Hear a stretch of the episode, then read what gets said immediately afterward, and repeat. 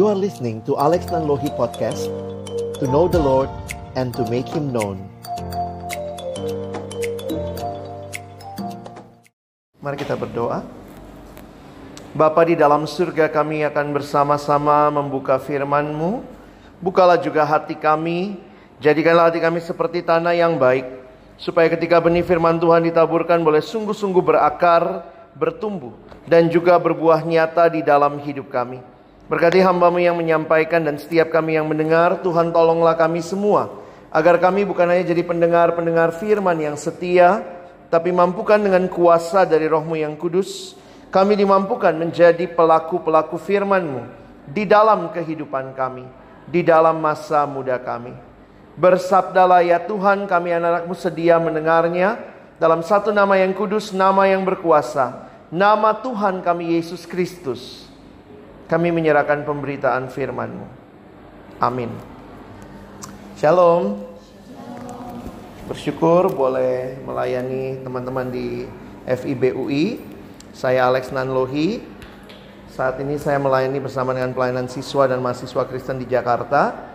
Saya alumni dari Fakultas Ilmu Sosial Ilmu Politik dari FISIP UI dan uh, saya bersyukur juga boleh Tuhan percayakan waktu ada di kampus melayani dan juga bertumbuh di UI gitu ya. Dan kesempatan siang hari ini tema yang diberikan kepada kita adalah Tuhan. Satu T-nya besar, satu T-nya kecil.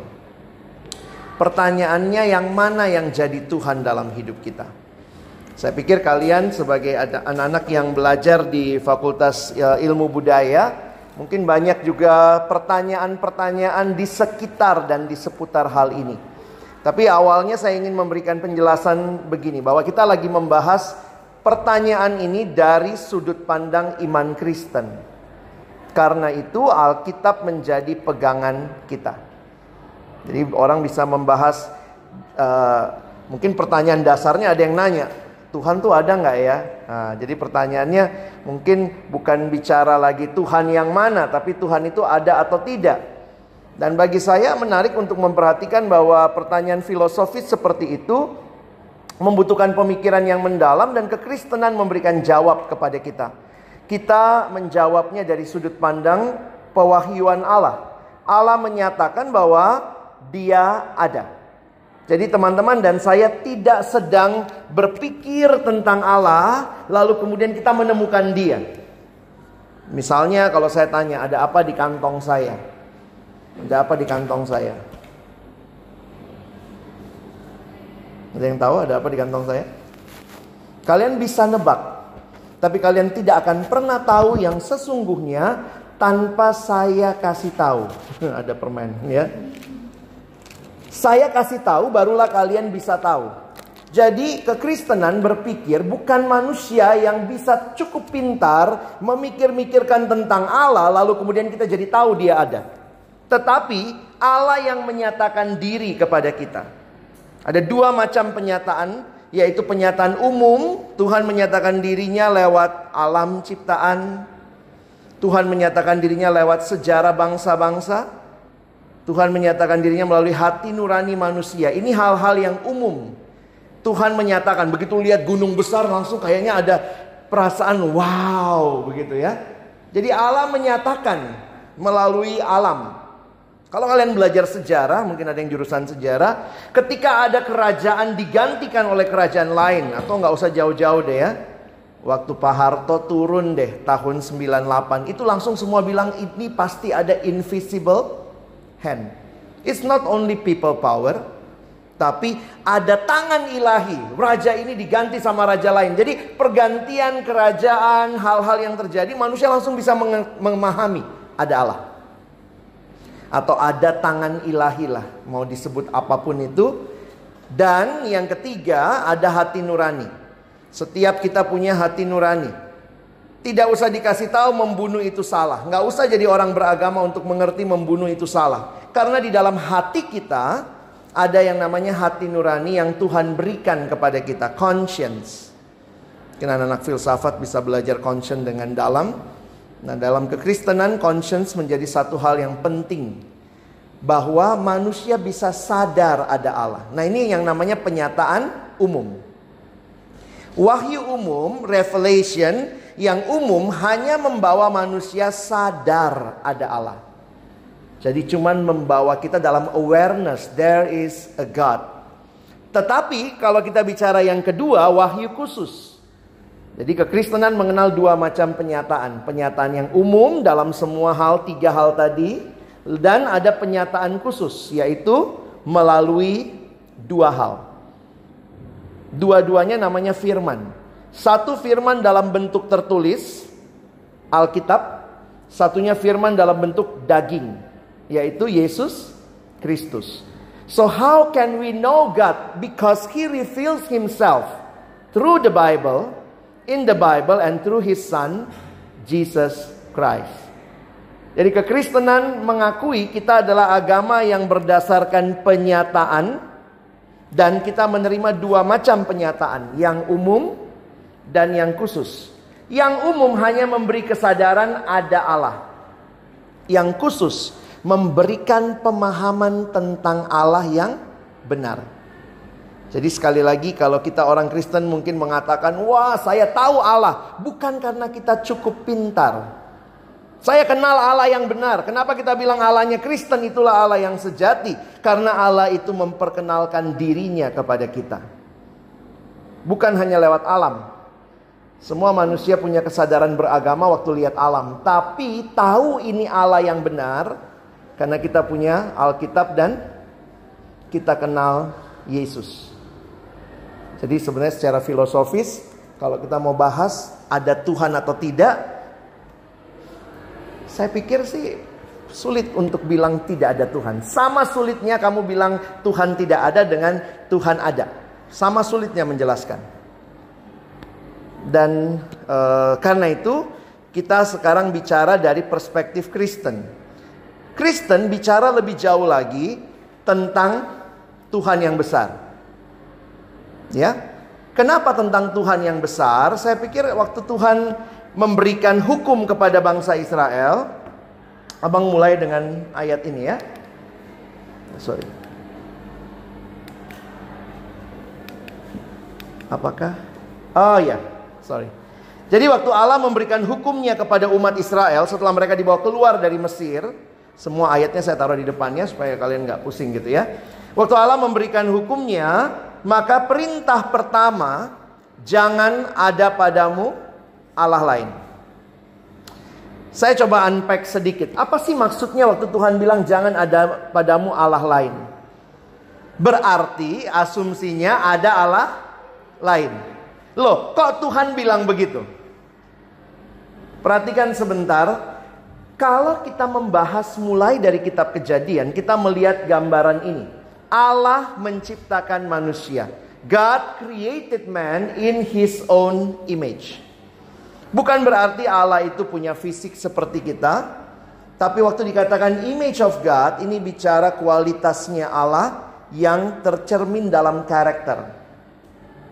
Kita bisa mengerti kebenaran kita punya pemahaman kebenaran, kebaikan, keindahan. Itu semua menyatakan kita diciptakan oleh Allah yang demikian. Nah, menarik sekali pertanyaannya. Waktu Allah ciptakan kita, pertama kali, Allah ciptakan kita untuk siapa? Waktu Allah ciptakan manusia pertama kali, manusia itu dicipta untuk siapa?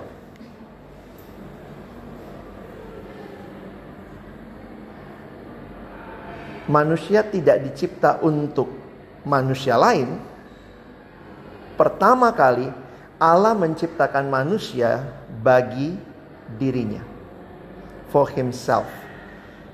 Uh, mungkin jadi pertanyaan, kok Tuhan nyiptain manusia, kok kayaknya kita jadi robot banget gitu ya? Tapi Tuhan menghendaki sebuah relasi dengan manusia. Makanya yang menarik sekali waktu kita menciptakan, melihat konsep penciptaan ini, ada satu kalimat begini dalam bahasa Latin, manusia itu homo adoramus. Kita itu dicipta untuk berelasi dengan Allah. Allah menciptakan kita baginya. Jadi kita ini makhluk yang akan selalu default mode-nya itu menyembah. Kita itu pasti menyembah karena kita dicipta untuk Allah. Manusia dicipta untuk Allah, berarti untuk menyembah Allah. Kalimat ini menyiratkan satu kebenaran yang menarik. Pilihan dalam hidup kita bukan pilihan menyembah atau tidak menyembah. Bukan itu pilihannya. Tapi karena kita makhluk yang menyembah, maka kita akan selalu pasti menyembah. Masalahnya kita lagi sembah Tuhan gede atau Tuhan kecil. Makanya menarik sekali Allah langsung tahu. Perintah pertamanya Allah apa? Jangan ada padamu Allah lain. Karena Tuhan tahu kita tuh pasti menyembah. Nah itu jadi menarik untuk kita perhatikan. Saya uh, unpack sedikit ini ya. Jadi manusia adalah makhluk yang menyembah. Konsekuensinya, kalau begitu manusia hanya menemukan kepuasan sejati di dalam penciptanya. Kita punya Tuhan yang menciptakan kita bagi dirinya dan kepuasan kita hanya ada di dalam dia. Seorang bapak gereja bernama Santo Agustinus mengatakan doa ini, terkenal sekali ya. Tuhan, Engkau menanamkan dalam hati kami kesenangan untuk memujimu. Engkau menciptakan kami bagimu dan hati kami gelisah sebelum beristirahat padamu. Kalau orang bilang saya nggak butuh Tuhan, maka pilihannya sebenarnya ada yang sedang jadi Tuhan karena dia pasti sedang menyembah. Siapa yang dia sembah? Mungkin dirinya. Mungkin konsep berpikirnya. Oh, saya ini makhluk yang otonomos. Saya bisa menentukan. Saya bilang nggak ada Tuhan, jadi nggak ada dia. Berarti siapa yang jadi Tuhan? Pikiranmu. Secara tidak langsung, manusia menjadi Tuhan. Tapi waktu saya memperhatikan kalimat ini dalam uh, gereja kita banyak menggunakan pendekatan ya, baik Katolik maupun gereja Protestan karena kita berasal dari aliran gereja barat, itu banyak sekali memakai tulisan-tulisan Agustinus sebagai dasar pemahaman iman. Dan Agustinus mengatakan kalimat ini. Bahasa Inggrisnya lebih indah karena ada permainan kata. And our soul are restless until they find rest in you. Hati ini akan terus restless sampai rest di dalam Tuhan. Karena memang Tuhan ciptakan kita untuk dirinya. Jadi kalau kita kembali melihat ini orang yang pinter juga, jangan pikir dia cuma bikin rumus yang susah-susah, yang bikin kamu nggak cinta ilmu itu makanya masuk FIB gitu ya, nggak mau ketemu fisika. Tapi Blaise Pascal, kalau kalian bisa cari tulisan-tulisannya, dia seorang Kristen yang baik. Bahkan dia seorang teolog. Dan dia menuliskan kalimat ini. Hati manusia biar kecil, namun jika seisi dunia diisi ke dalamnya, tetap tidak akan memuaskannya. Hanya sang pencipta yang bisa memuaskannya. Jadi kalian bisa lihat dulu konsepnya ya. Kalau kita punya Tuhan, kita bertuhan, itu adalah konsekuensi karena kita diciptakan oleh Allah yang menciptakan kita bagi dirinya. Makanya kita akan selalu menyembah. Waktu kamu lihat orang, dia ngakunya ateis, dia ngakunya agnostik. Sekarang kan lebih banyak yang milih agnostik ya. Agnostik itu bilangnya sederhananya begini. Tuhan ada syukur, nggak ada juga nggak apa-apa. Jadi ini yang nggak mau rugi gitu. Kalau langsung bilang nggak ada Tuhan, Kayaknya karena ateis pada dirinya itu kontra kontra pada dirinya. Bagaimana kamu bilang nggak ada apa yang tidak ada? Nggak ada Tuhan. Berarti waktu kamu bilang nggak ada Tuhan, sebenarnya ada nggak Tuhan itu? Kenapa kamu bilang nggak ada gitu ya? Kan kontra pada dirinya. Jadi akhirnya banyak yang sekarang di Facebook pun ada pilihan agama agnostik tuh. Kalau kalian lihat dulu agama ke Indonesia kan cuma kenal 5 gitu ya. Plus 6 aliran kepercayaan. Masuk ke Facebook sekarang pilihan agamanya lebih kali 15 macam-macam. Tapi bagi saya menarik untuk melihat manusia akan selalu entah menciptakan, entah membuat. Makanya pertanyaannya begini, kenapa Kristen bisa pede banget bilang kita tahu Allah yang benar? Karena kita meyakini kita mendapatkan wahyu khusus. Allah yang menyatakan dirinya kepada kita. Makanya kekristenan berbicara keselamatan, kamu bisa kenal Allah itu anu anugerah, bukan cara berpikirmu yang pintar bisa datang kepada Tuhan. Nah, waktu manusia jatuh dalam dosa, bayangkan, makhluk yang always worship jatuh dalam dosa. Kita semua sering kali menempuh cara-cara yang tidak sehat untuk mengisi kekosongan hati yang sebenarnya hanya bisa diisi oleh Allah. Karena itulah di dalam kekristenan, khususnya perjanjian lama, satu kata yang sangat penting yang jarang kita bahas di perjanjian baru, sebenarnya ini kata ini nih, berhala. Semua hal, siapa pun atau apa pun yang menggantikan posisi Allah sebagai yang terutama dalam hidup kita itu disebut sebagai berhala. Siapa yang HKBP di sini? Ada? Batak-batak HKBP gitu ya. Salah satu pengajaran yang kuat tentang berhala itu dari opung Martin Luther. Dia mendalami itu. Jadi Martin Luther bilang begini, sederhananya, bukan cuma dosanya yang harus kamu lihat. Tetapi lihat akar dosanya dan itu adalah berhala. Jadi dia bilang jangan cuma lihat dosanya. Dosa itu di permukaan. Lihat apa akarnya. Nah, ini saya kasih contohnya begini ya. Akarnya itu apa? Sebenarnya jadi pertanyaan begini teman-teman. Kenapa itu jadi berhala? Apalagi waktu bicara berhala ini, itu bisa dari hal yang baik.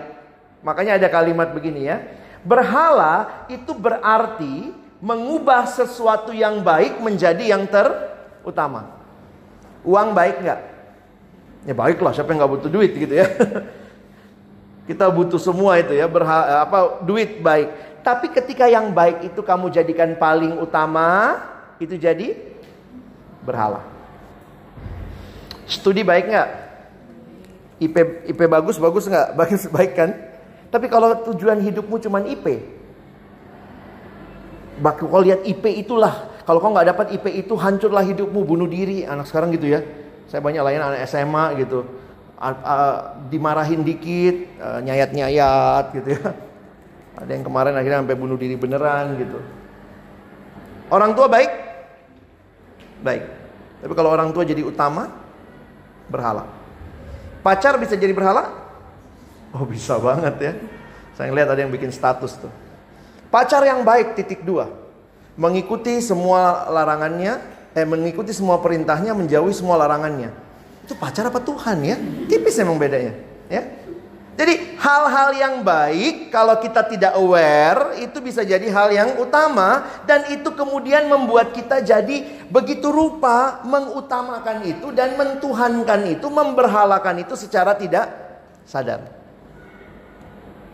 Even pikiran kita yang baik kalau kita utamakan bisa jadi berhala kita. Jadi ada seorang penulis bernama Kyle Idleman, dia bilang sebenarnya di dalam hidup kita every day, every single day kita sedang mengalami pertarungan antara berhala-berhala yang lagi mau merebut tempat utama di hati kita.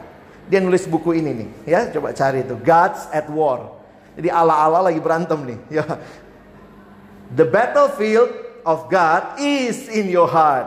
Sebenarnya dia meng mengkalimatkan ulang kalimatnya Yohanes Calvin. Jadi kalau kalian pelajari kekristenan mendalam tuh bapak-bapak gereja, reformator itu semua filsuf. Bukan cuma Alkitab dia tafsirkan, tapi mereka mencoba melihat mendalam, memikirkan manusia itu seperti apa. Sehingga Yohanes Calvin, kalau tadi Luther banyak ngomongin berhala, Yohanes Calvin melanjutkan, dia pakai istilah begini. Hati manusia itu pabriknya berhala. Human hearts is the apa ya? The factory of idols. Karena apa? Begitu kita tolak Allah yang benar, jangan lupa loh, kita makhluk yang akan selalu cari Allah lain. Makanya kita akan ciptakan apa yang jadi utama. Sehingga dalam setiap tahap hidup mungkin yang utama beda-beda buat kamu. Sekarang bisa jadi studi nih gila-gilaan. Nanti lulus, mungkin mulai uang, karena mulai kenal uang tuh. Nanti kemudian ah uang bukan segala-galanya ngapain punya uang nggak menikah. Oh nanti pernikahan, keluarga, family. Udah punya keluarga, tiba-tiba nanti yang jadi utama adalah punya keluarga nggak punya anak. Wah gila, bikin anak. bikin tanda kutip ya. Beberapa orang akhirnya cari ke mana-mana, konsultasi ke dokter, bayi tabung dan segala macam. Itu hal yang baik. Tapi kalau akhirnya hidupmu hanya di divine dari situ, sedih banget. Kalian pernah nonton Minion nggak? Pernah nonton Minion yang kecil-kecil kuning itu ya? itu persis doktrin manusianya Kristen. Minion itu merefleksikan dia selalu cari Tuhan untuk di dilayani, diikuti. Sayangnya dia selalu cari Tuhan yang jahat kan? Makanya dia cari begitu tuannya mati, lesu. Cari lagi. That is our life. We always try to find siapa Tuhan. Tapi saya tidak cuma mau bilang jangan ikutin Tuhan yang ini. Saya mau kasih kalian pemahamannya. Kenapa sih kita bisa kayak gitu? When you know yourself, you know how to treat yourself. You know the the root, kamu tahu akarnya kenapa sih saya kayak begini? Makanya saya sangat berhutang kepada pengajarannya Opung Martin Luther tuh. Karena Martin Luther mencoba melihat, kadang-kadang kita frustasi sama dosa kita. Tapi jangan-jangan masalah utamanya dosa diatasi, tapi kalau akarnya tidak diatasi, still there. Dia kasih contoh begini ya. Martin Luther bilangnya sampai begini. Kamu tidak mungkin melawan atau melanggar. Kita lihat ada 10 hukum Allah ya. Dia bilang nggak mungkin kamu cuma melanggar satu hukum Allah. Oh, pinter juga tuh cara dia ini ya. Nggak mungkin kamu cuma melanggar satu, paling tidak dua. Kenapa bisa? Jangan mencuri. Berarti kalau kamu mencuri, kamu bukan hanya melanggar hukum itu, tapi kamu melanggar hukum yang pertama. Ada Allah lain di hadapanmu, yaitu apa Allahmu kalau kamu mencuri? Mungkin uang, mungkin harta. Jangan berzina. Bukan cuma satu hukum yang kau langgar, tapi hukum apa lagi? Yang pertama, siapa Allahmu? Mungkin hawa nafsumu, seks. Jadi Martin Luther mengatakan jangan cuma bereskan dosanya di permukaan. Tapi jangan-jangan ada hati yang belum diserahkan kepada Tuhan. Ya. Jadi memang uh, hati kita ini tempat pertarungan. All the gods um, uh, between us. Dan menariknya begini ya, itu semua adalah karunianya Tuhan. Benar nggak? Keluarga dari siapa? Dari Tuhan. Uang dari mana? dari Tuhan. Pacar dari mana? Dia dari, dari Tuhan juga gitu ya. Jadi akhirnya pertarungan kita memang selamanya makanya ada kalimat yang bilang begini, saingan terberatnya Tuhan apa? Berkatnya sendiri. Karena kita mungkin cinta berkat-berkat Tuhan, kita tidak cinta pemberi berkatnya. You love the gifts, but you forgot the giver. Nah, jadi saya harap dengan pengertian ini kalian coba kenali hatimu ya. Apa sih yang jadi berhala saya nih? Jangan-jangan saya ini sedang melihat sesuatu itu yang paling utama. Kenapa ini jadi masalah? Lihat penjelasan berikutnya ya. Ini masalahnya di hati. Makanya bukan cuma di perbuatan. Alkitab mengatakan jagalah hatimu dengan segala kewaspadaan karena dari situlah terpancar kehidupan. Tapi pada saat yang sama Alkitab juga mengatakan betapa liciknya hati, lebih licik daripada segala sesuatu, hatinya sudah membatu, siapakah yang dapat mengetahuinya. Jadi dari dua kenyataan ini saya harus katakan, mungkin bahasa Inggris lebih bagus mengungkapkannya, gampang diingat. What is the heart of the problem? The heart of the problem is the problem of the heart. Apa sih inti masalahnya? Masalah hati. Makanya saya sangat mengkritisi hati-hati dengan apa yang kalian baca, dengar, lihat. Itu kan filosofi yang berkembang. Just follow your heart. Benar follow your heart. If you just follow your heart, ini loh kalimat Alkitab. Hati itu licik. Do not follow your heart. Follow God's word. Kenapa gampang banget kita di distract ya? Ada yang mengatakan, I just follow my heart. Gue LGBT mau apa? Itu gue suka, gue seneng. Ini gue. Is that your heart? Oke, okay. but is that God's word? Kalau semua orang bisa just follow their heart, saya pengen masokis ke anak kecil. Kenapa? I just mau follow my heart. Oh nggak boleh. Kenapa? Itu salah. Berarti ada law. There is a law, a standard And as a Christian, the Bible is our standard. Saya sangat mengasihi teman saya yang punya pergumulan LGBT, tapi saya harus katakan saya tidak setuju apa yang dia lakukan. Kita tidak sedang menghidupi hidup just follow our heart. Because our heart is very betapa liciknya, lebih licik dari segala sesuatu. Hati harus di stem. Kalau kalian main gitar, tuh orang nyetem gitar berapa kali sih? Sekali seumur hidup. Tiap mau main kan di stem ya. Stem hatimu tiap hari. Are you still in tune with God's word? Jangan-jangan kita lebih in tune sama film ini sama film itu, sama artis ini. Wah, dia tuh coming out tuh, dia cerita hidup dia, dia udah jadi dirinya. So, we are not going to be ourselves. We need to be God's image. That is what we created to be. Totally different. Jadi, ya kalau kita lost dengan apa yang dunia katakan ya mungkin memang Tuhannya kita menyerahkan diri dipimpin oleh Tuhan yang lain. Makanya kalimat ini jadi penting sekali. Jangan ada padamu Allah lain. Ini masalah apa? Masalah hati. Menarik ya, Tuhan gak langsung mulai jangan membunuh, jangan bersina. Dia mulai dulu dengan the very basic things. Because He know us. Dia tahu banget kita ini diciptakan untuk menyembah dia. Langsung perintah pertama, jangan ada padamu Allah lain. Berikutnya, jangan membuat, jangan sujud menyembah. Jadi itu semua realita yang terjadi. Nah, kenapa berhala ini mengerikan? Lihat ya. Karena sikap kita kepada berhala, kita akan otomatis mengasihinya. You will love it. Kamu akan menyembahnya tanpa kamu sadari. Kamu akan melayaninya dan bahkan memperoleh makna daripada dari Allah yang sejati. Contoh, kalau berhalamu adalah uang, maka nilai hidupmu tergantung dari berapa banyak uang yang kamu punya. Karena itu berhalamu. Dan itu akan menyedot hidup kita. Berhala itu luar biasa tuh. Dia kayak suck our life gitu ya. Jadi begitu orang sudah mengasihi, menyembah, udah deh. Yang paling ingin kita capai uang. Yang paling ya dan banyak yang dikorbankan banyak. Ada yang bilang, "Ih, berhala-berhala zaman dulu ngeri ya." Apa berhala zaman dulu? Berhala zaman dulu tuh minta anak kan, makanya ada yang namanya bukit pengorbanan. Jadi orang Israel tuh mempersembahkan anaknya baru disembelih itu untuk dewa dewi pada waktu itu, berhala-berhala waktu itu. Tapi kalau kita pikir-pikir sekarang begitu nggak? Nggak langsung begitu, tapi sama kan? Orang tua yang sibuk kejar karir, sibuk kejar uang, sedang mempersembahkan anaknya. Akhirnya anak jadi hancur, bahkan anak bunuh diri, saya pikir pada titik yang tertentu itu sama. Walaupun nggak apple to apple.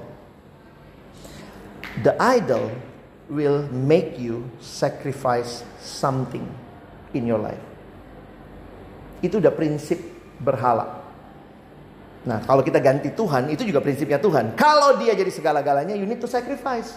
Nggak ada ikut Yesus santai-santai. Bisa nggak ikut Yesus sambil terus nyontek? Bisa nggak ikut Yesus sambil terus copy paste tugas? Bisa nggak ikut Yesus sambil terus LGBT? You need to sacrifice even yourself, even your desire. Sama seperti kita ikutin berhala. Begitu kita ikutin dia suck our life dan kemudian kita sacrifice many things. Our relationship sama teman. Ada orang sampai hari Minggu tetap ke kantor. Kenapa? Duit. Ngapain ke gereja? Gue butuh duit. Terus eh, dirasionalisasi. Kalau gue punya duit banyak kan gue bisa sumbang ke gereja. Jadi hati-hati. Uh, gambaran ini menolong kita melihat berarti hati jadi kuncinya. Nah ada kalimat yang dibuat oleh seorang bernama James Smith. Ini bukunya You Are What You Love. Jadi ini sebenarnya teolog Kristen tapi dia juga satu salah seorang filsuf. Kalau kalian tertarik Coba gali ya, siapa tahu bisa jadi bahan skripsi. Dia melawan pemikiran Rene Descartes, you are what you think. Kamu adalah apa yang kamu pikirkan. Kamu pikir kamu begini, maka kamu jadi begitu. Dia bilang, no, you are what you love. Dan dalam buku itu dia bahas lah ya, dalam bukunya ini. You need to curate your heart, you need to worship well. Because you are what you love and you worship what you love. Jadi saya pikir Kerinduannya ya anak-anak PO di sini benar-benar bisa berpikir secara Kristiani ya. Kita nggak sementara, kita nggak sekedar bicara berpikir rasional, pakai akal sehat, tapi pakai pemahaman yang benar dari Alkitab. Waktu dia dalemin ini saya waktu baca jadi menarik juga makanya saya simpulin sama yang tadi ya. Kita tuh kalau menyembah sesuatu kita pasti akan mengasihinya. Atau ya bolak-balik tuh. You worship you are what you love and you worship what you love. Nah, karena itu coba kenali berhala hati kita, ya. Tidak selamanya itu bentuknya orang atau pribadi, bisa juga ide, bisa juga sebuah ya tindakan gitu ya. Apa gitu ya. Drakor harusnya masuk nih bisa juga kan orang menjadikan drakor sebagai identitasnya kan? Ketemu orang lu udah nonton ini belum? Belum. Oh gua udah dong. Hm. wah dia dapat identitas di situ. Ada kepuasan. Jadi sering kali tanpa kita sadari tidak ada yang salah dengan drama Korea kalau kita tonton. Tentu yang bagus ya yang baik. Tapi ketika kita menjadikan itu segala-galanya, you define yourself dari situ. Ada nanti ya kalau udah mulai kerja mungkin duit jadi segala-galanya. Ketemu seorang yang bergumul dengan dosa seksual, apa apa yang dia banggakan? Dia banggakan dia udah tidur sama berapa orang. Itu jadi kebanggaannya. Kaget juga gitu ya. Ada yang akademik, habis S1 mau S2, S2, S3. Kenapa? Kok terus gitu? Samsung aja S10 bang, ya, jadi terus gitu ya. Gak mau kalah sama Samsung. Pertanyaannya, apakah berhala di hatimu? Mesti coba lihat lebih dalam. Mana tahu media sosialmu jadi berhala, sibuk terus ngelihat berapa yang nge-like. Kalau orang nge-like kayaknya naik harga diri kita. Benar ya, dalam hati itu selalu ada pertarungan berhala. You are searching for and chasing after reveals. Jadi what you are searching for and chasing after itu bisa reveals the God that is winning the war in your heart. Sehingga ini kita perlu terus tune in sama Tuhan ya. Jangan-jangan minggu ini karena lagi apa ya warnya lagi dimenangkan oleh Tuhan yang ini nih. Nah itu semua TT yang kecil ya harusnya sih ya Tuhan yang besar. Saya teruskan sedikit beberapa ini ini saya topik yang mendalam ya dalam kekristenan sekarang lagi banyak dibicarakan idolatry isn't just one of many sins rather is the one great sin that all others come from There are a hundred million different symptoms, but the issue is always idolatry. Ini makanya Martin Luther pas banget waktu dia bilang bereskan intinya. Kalau kamu nggak bereskan intinya, hatinya, maka muncul lagi dalam bentuk yang lain. Abang kasih contoh lah ya. Sorry, saya ngomongnya agak sedikit terbuka. Seorang anak datang kepada saya, seorang yang melayani Tuhan dan dia mengaku dia terjebak pornografi. Nah dulu waktu saya belum mengerti hal begini ya, orang terjebak pornografi ya kita hamba Tuhan datang doain, buang pornonya segala macam gitu ya. Tapi ketika saya mengerti ini dan waktu itu tiba-tiba kayak Tuhan reveal ya. Terus dia bilang gini sama saya, bang gue ini normal nggak ya? Gue terjebak pornografi dari kelas berapa gitu ya. Terus saya bilang ya saya juga terjebak pornografi dari kecil dan segala macam gitu. Tiba-tiba dia nanya lagi, tapi gue ini kayaknya normal nggak ya bang? Saya bilang apanya yang nggak normal? Gini bang, gue senang adegan-adegan pemerkosaan. Jadi dia cari. Saya sampai nanya, lu cari di mana? Klik, ketik aja bang di Google gitu ya. Untuk saya nggak nyari habis itu ya. Jadi tinggal yang dia suka adalah pornografi dengan adegan pemerkosaan. Dan ternyata it can reveal something in your heart. Nah, saya gali lah waktu itu ya. Ada apa nih anak ya? Jadi masalahnya bukan cuma pornografinya. Saya cari gitu ya. Ngobrol sama dia lebih dalam, lebih dalam. Sampai akhirnya saya nemu gitu ya. Ternyata anak ini karena badannya kecil, waktu SMP dia dibully. Jadi dia laki-laki badannya kecil, dia SMP dia dibully. Jadi kemudian dia tumbuh jadi anak yang ingin banget ngalahin orang lain tapi nggak bisa. Pas SMA dia masuk eh, SMA dia mulai bisa ngalahin orang dengan akademisnya. Dia pintar. Wah orang-orang pada dikalahin gitu ya. Tapi ternyata jiwa itu yang terbentuk dalam diri dia selalu mau ngalahin orang itu muncul. Sehingga berhala utamanya dia adalah power. He always want to be in control. Jadi sebenarnya yang harus dibereskan powernya, bukan sekadar pornografinya. Jadi bayangkan ya, karena dia selalu ingin power, maka pornografi yang dia suka yang adegan apa? Orang diperkosa karena ada yang take power atas yang lain. Kita bereskan pornografinya, satu waktu saya bareng sama dia, dia dapat telepon. Iya ya udah, apaan sih? Ya nah, nanti gue pulang. Terus saya tanya, siapa siapa? Bokap gua. Eh gila kalau bokap gua digampar gua ngomong begitu ya. Jadi ternyata dalam relasi sama orang tua dia anak yang termasuk bermasalah. Karena apa? Selalu mau take power. Jadi anak ini ternyata bermasalah. Waktu saya lihat dia dengan teman-teman kepengurusan PO-nya, pantas dia nggak disukai. Karena kalau rapat mendominasi, ngomong mulu, ngerasa diri paling bisa, jadi sebenarnya ada akarnya yang benar kata kalimat ini, symptomsnya, gejalanya bisa different, but the root. Seorang bernama Timothy Keller membuat ada empat sebenarnya idolatry dasar.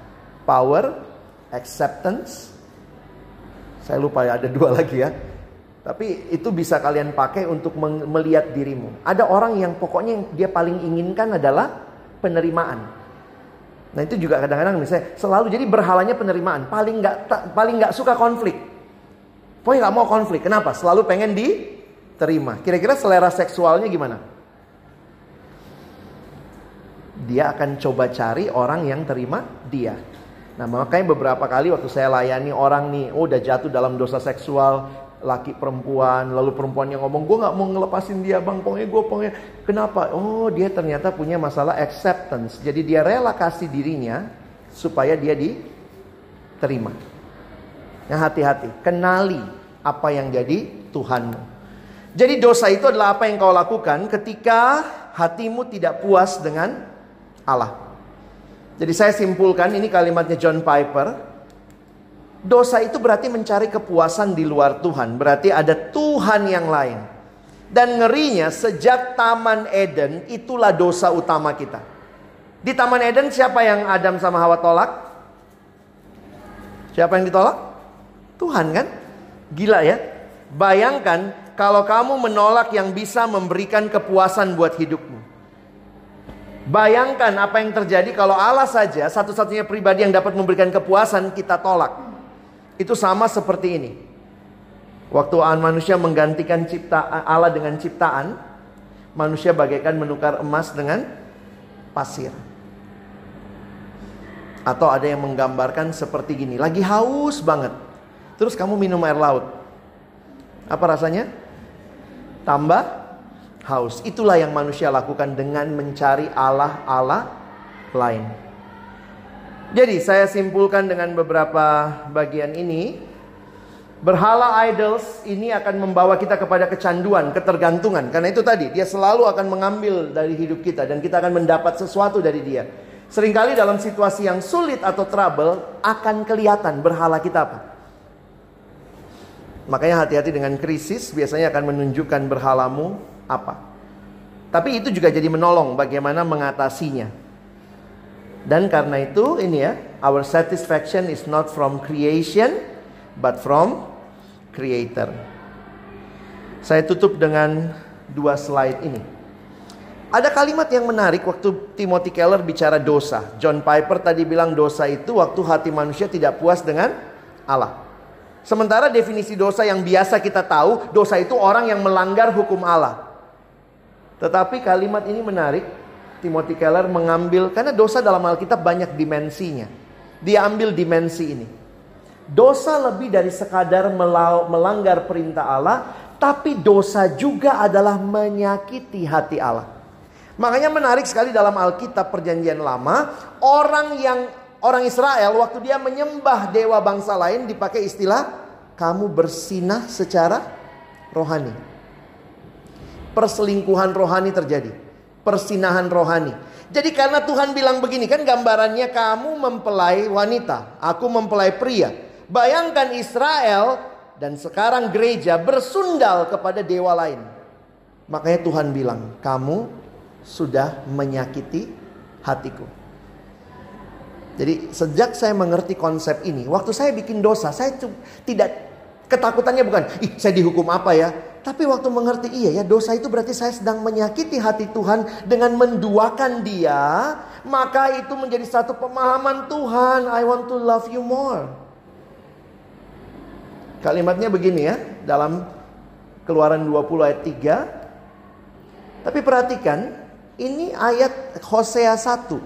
Dalam terjemahan bahasa Indonesia masa kini. Umatku sama seperti istrimu itu. Tidak setia atau bersundal hebat tidak setia kepadaku dan meninggalkan aku. Dan ini ayat yang bisa menolong kita. Ye Hakim-Hakim 2 ayat 12. Kita baca ya.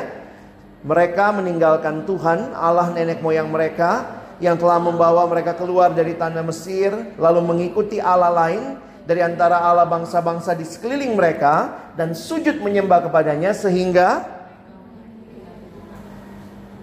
Karena itu saya tutup dengan slide ini. Sudahkah Yesus jadi satu-satunya Tuhan yang kita ikuti dalam hidup kita ini?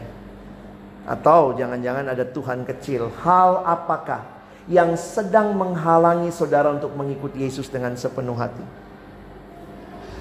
Mungkinkah nafsumu yang menikmati pornografi, menikmati relasi-relasi yang tidak tepat, Mungkinkah keinginan hatimu, mungkin karena kamu mau diterima, maka ingatlah, di dalam Tuhan Dia terima kita.